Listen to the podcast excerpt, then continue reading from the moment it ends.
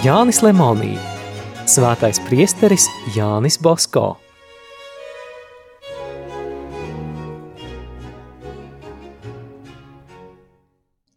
Visu atstāts vajāts priesteris Bosko tomēr bija mierīgs. Sapnī viņam jau bija pavēstīti visi šie sāpīgie notikumi. Karlis Gastīnī, kurš šajā laikā bija guvis patvērumu Valdoko patversmē, mums liecina, ka viņš reiz dzirdējis Jāni Bosko sakām: Visi mani atstājuši, bet Dievs neatstās. Kāpēc man bīties? Iesāktais darbs nav mans, bet viņa – Tādēļ par oratorijas nākotni parūpēsies viņa visspēcība. Turpmākie notikumi, kā redzēsim, šos vārdus apstiprinās. Pamazām sapratuši vilinājumos apslēpto ļaunumu, jaunieši sāka atgriezties. Un priestere Bosko palīgi, atkritēji, paši vīlušies politikā, turējās malā, bet jauniešus prom vairs nevilināja. Jaunus garīgus virzienus priesteris saprata un atbalstīja – Marijas debesīs uzņemšanas dienā, 15. augustā, viņš sarīkoja oratorijā tik interesantus, jaunus nodarbību veidus, ka pat visbrīvdomīgākais laikraksts Gazeta del Pola neizturēja to neuzslavējis. Atgriezt noklīdušos zēnus priesterim Bosko palīdzēja kāds labsirdīgs jauneklis Jāzeps Brozijo, kas apmeklēja oratoriju jau no 1841. gada. Priesteri Bosko viņš neaizmirsa pat armijā dienēdams, un atgriezies mājās Jāzeps atsāka apmeklēt oratoriju. Kara noskaņa no oratorijas atkritušajiem puišiem bija vajadzīga. Nākamajā svētdienā Jāzeps jau rīkoja visu viņu pulku. Priesteris Bosko, izmantodams pilsētas valdes aicinājumu audzināt jaunatni tēvies mīlestības garā, dabūja par velti 200 medību bises, vingrošanas rīkus, un dažādas taures orķestrim. Bez tam priesteris Bosko apņēmās ik nedēļas dot uzturu dažiem trūcīgiem jauniešiem. Tā viņš darīja vairākus gadus, kamēr vien turpinājās politiskās kaislības. Tomēr tagad priesterim Bosko rūpēja atrast likumībā rūdītus jauniešus. Es gribētu būt par gaismu un sāli citiem – Šajā nolūkā viņš atkal sarīkoja garīgos vingrinājumus. Šajā pašā gadā Bosko pārliecinājās, ka sekmīgākais līdzeklis, kā piesaistīt vājas gribas jauniešus oratorijai, ir viņu prāta ievingrināšana, un tāpēc viņš ievērojami papildināja vakara kursus. Izglītības nepieciešamību tajā laikā ļoti dzīvi izjuta arī tautā – Priestera Bosko vakara kursos ieradās ne tikai zēni un jaunieši, bet neviens vien bārdains vīrs. Tos mācīja pats priesteris Bosko. Nākošajā gadā viņu skaits vēl pieauga. Atlīdzība viņš neņēma ne no viena. Vislielākā atlīdzība Jānim Bosko bija labā griba un čaklums.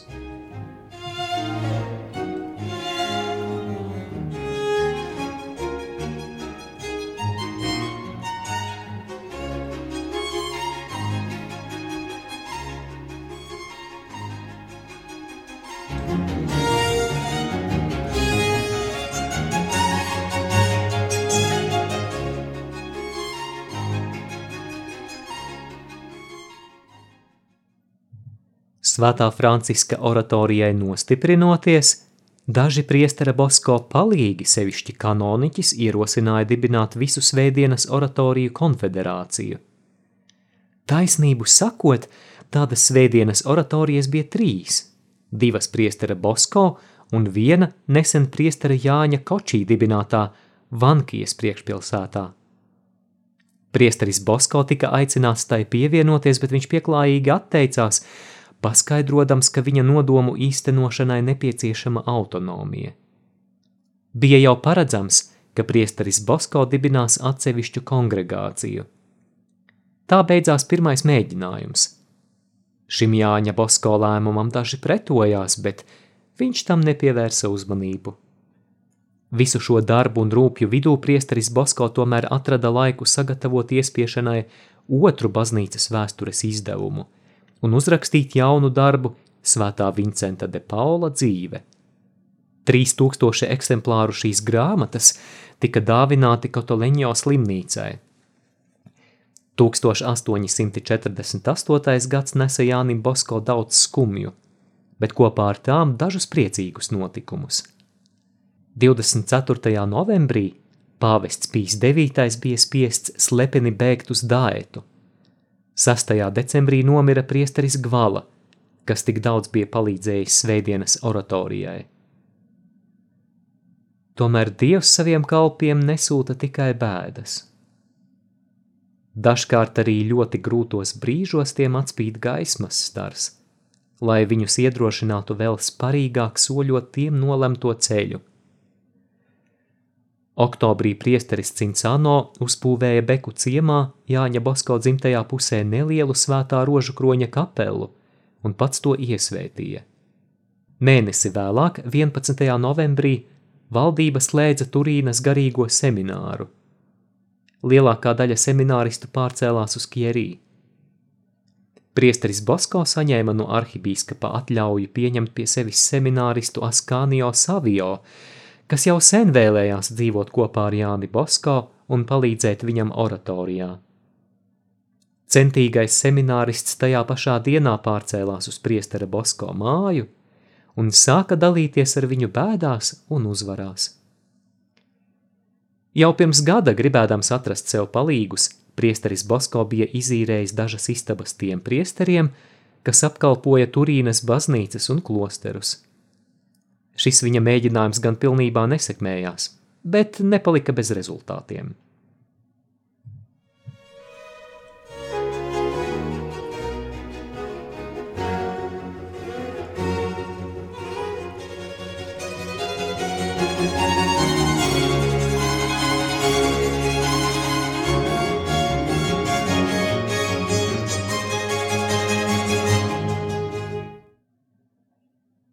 Otrās daļas piektā nodaļa – trešā svētdienas oratorija – pieaug priestera Bosko ietekme. No 1849. līdz 1851. gadam. 1849. gada 18. janvārī nomira priestera Bosko brālis Antonijs. Jānis Bosko atmaksādams par sāpīgajām pārestībām – ar mīlestību pieņēma pie sevis viņa bērnus. Katoļu baznīcas pretinieki guvuši dažas uzvaras meklēja līdzekļus, kā katolicismu iznīdēt ar visām saknēm. Par vissekmīgāko līdzekli kļuva prese. Laikraksti ikdienas nomelnoja baznīcu, klosterus, visu to, kas vien bija palicis un kas modina katoļu apziņu.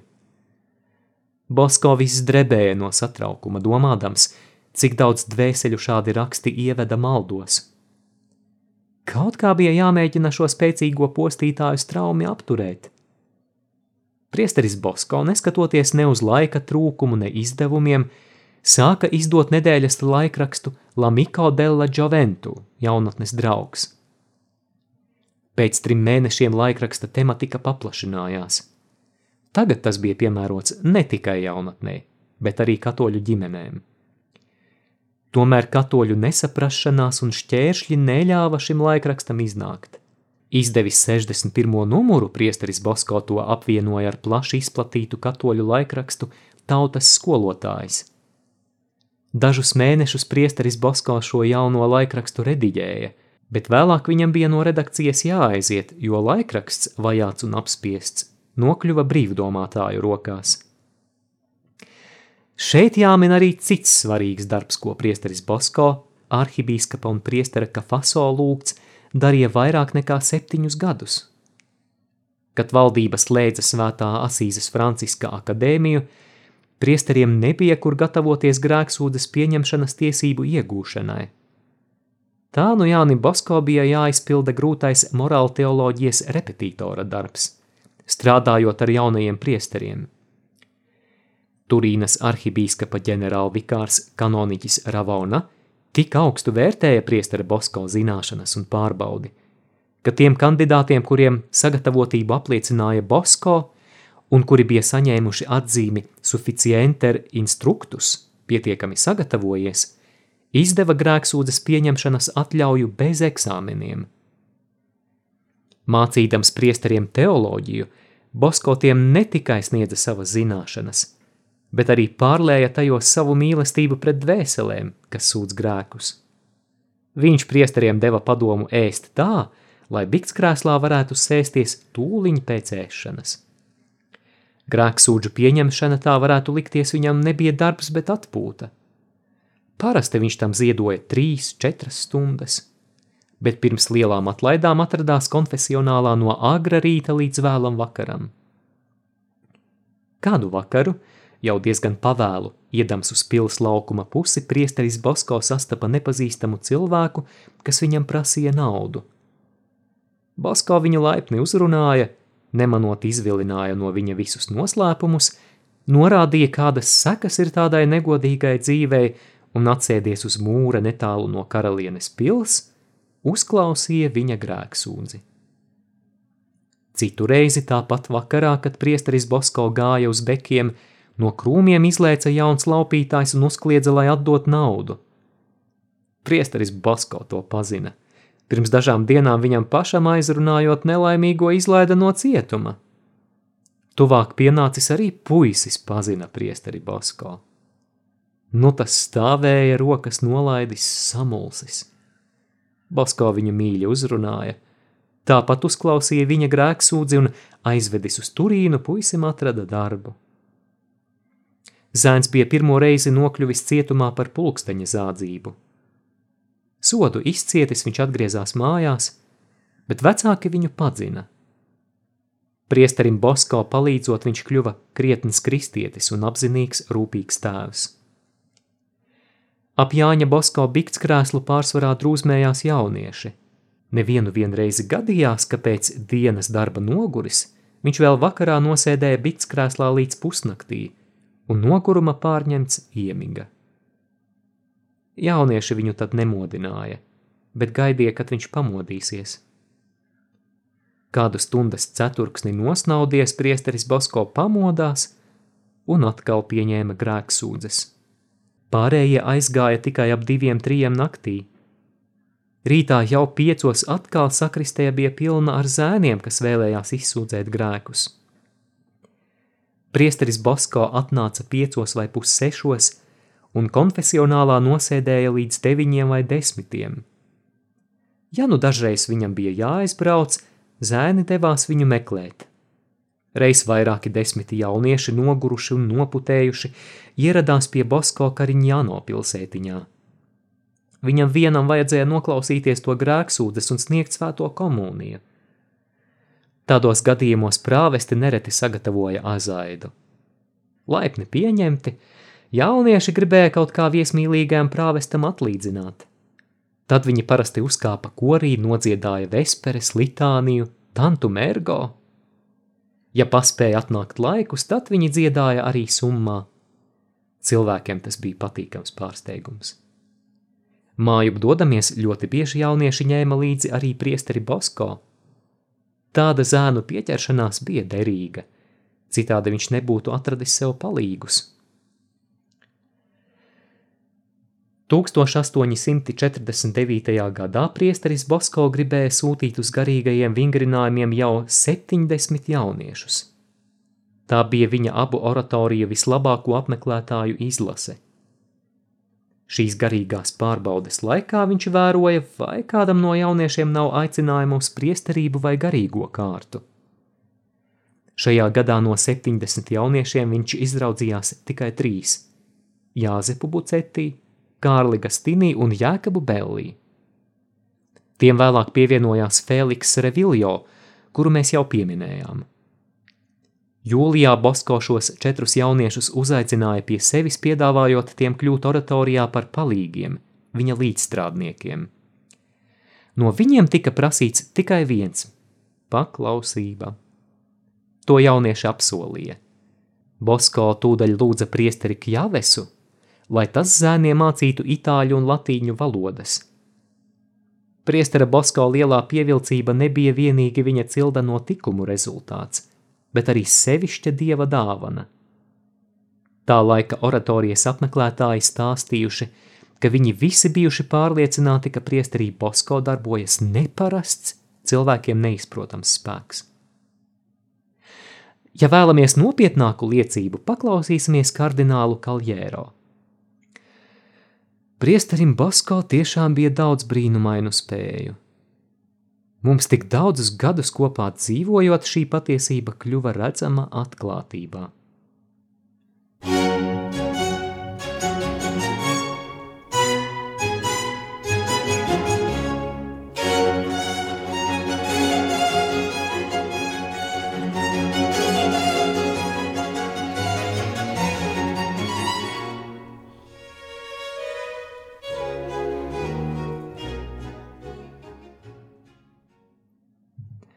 Vēl seminārā mācoties Jānis Basko kļuva slavens ar savām zālēm, zirnīšiem, kas bija pagatavoti vienīgi no kviešu miltiem un cukura. Tādi zirnīši bija tikai aizseks, bet dziedināšanas spēks nāca no citurienes. Basko slimniekam ieteica vispirms izsūdzēt grēkus, pieņemt svēto komuniju un lūgties vairākas reizes esi sveicināta Marija vai esi sveicināta karaliene. 1844. gadā Bosko ar tādiem zirnīšiem izdziedināja savu kaimiņu Turko. Dažus no šiem zirnīšiem paņēma Montafijas aptiekārs un izdarīja ķīmisko analīzi, bet atrada tajos tikai parastu kviešu miltu mīklu. Zirnīšu slava izplatījās visā ciemā. Turko aizbrauca uz Turīnu Bosko pateikties par izdziedināšanu un pastāstīja, ka cilvēki izpētījuši viņa zāles – Viņš lūdza paskaidrot, kā tās spējušas tik brīnišķīgi līdzēt.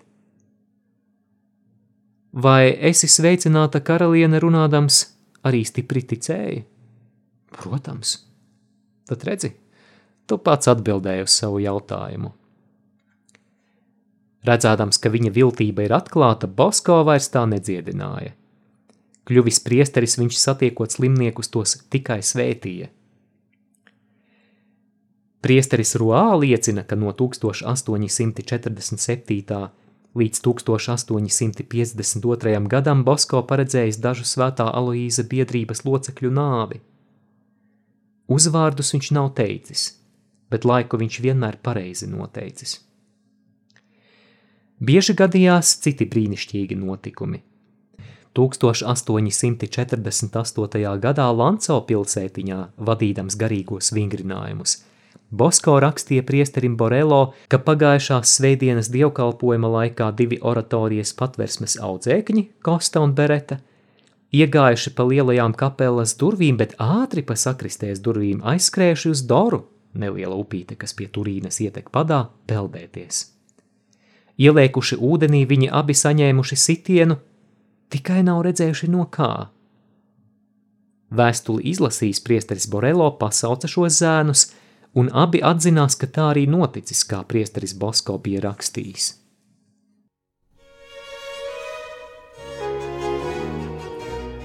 Izskanēja lasījums no Jāņa Lemonī grāmatas Svētais priesteris Jānis Bosko.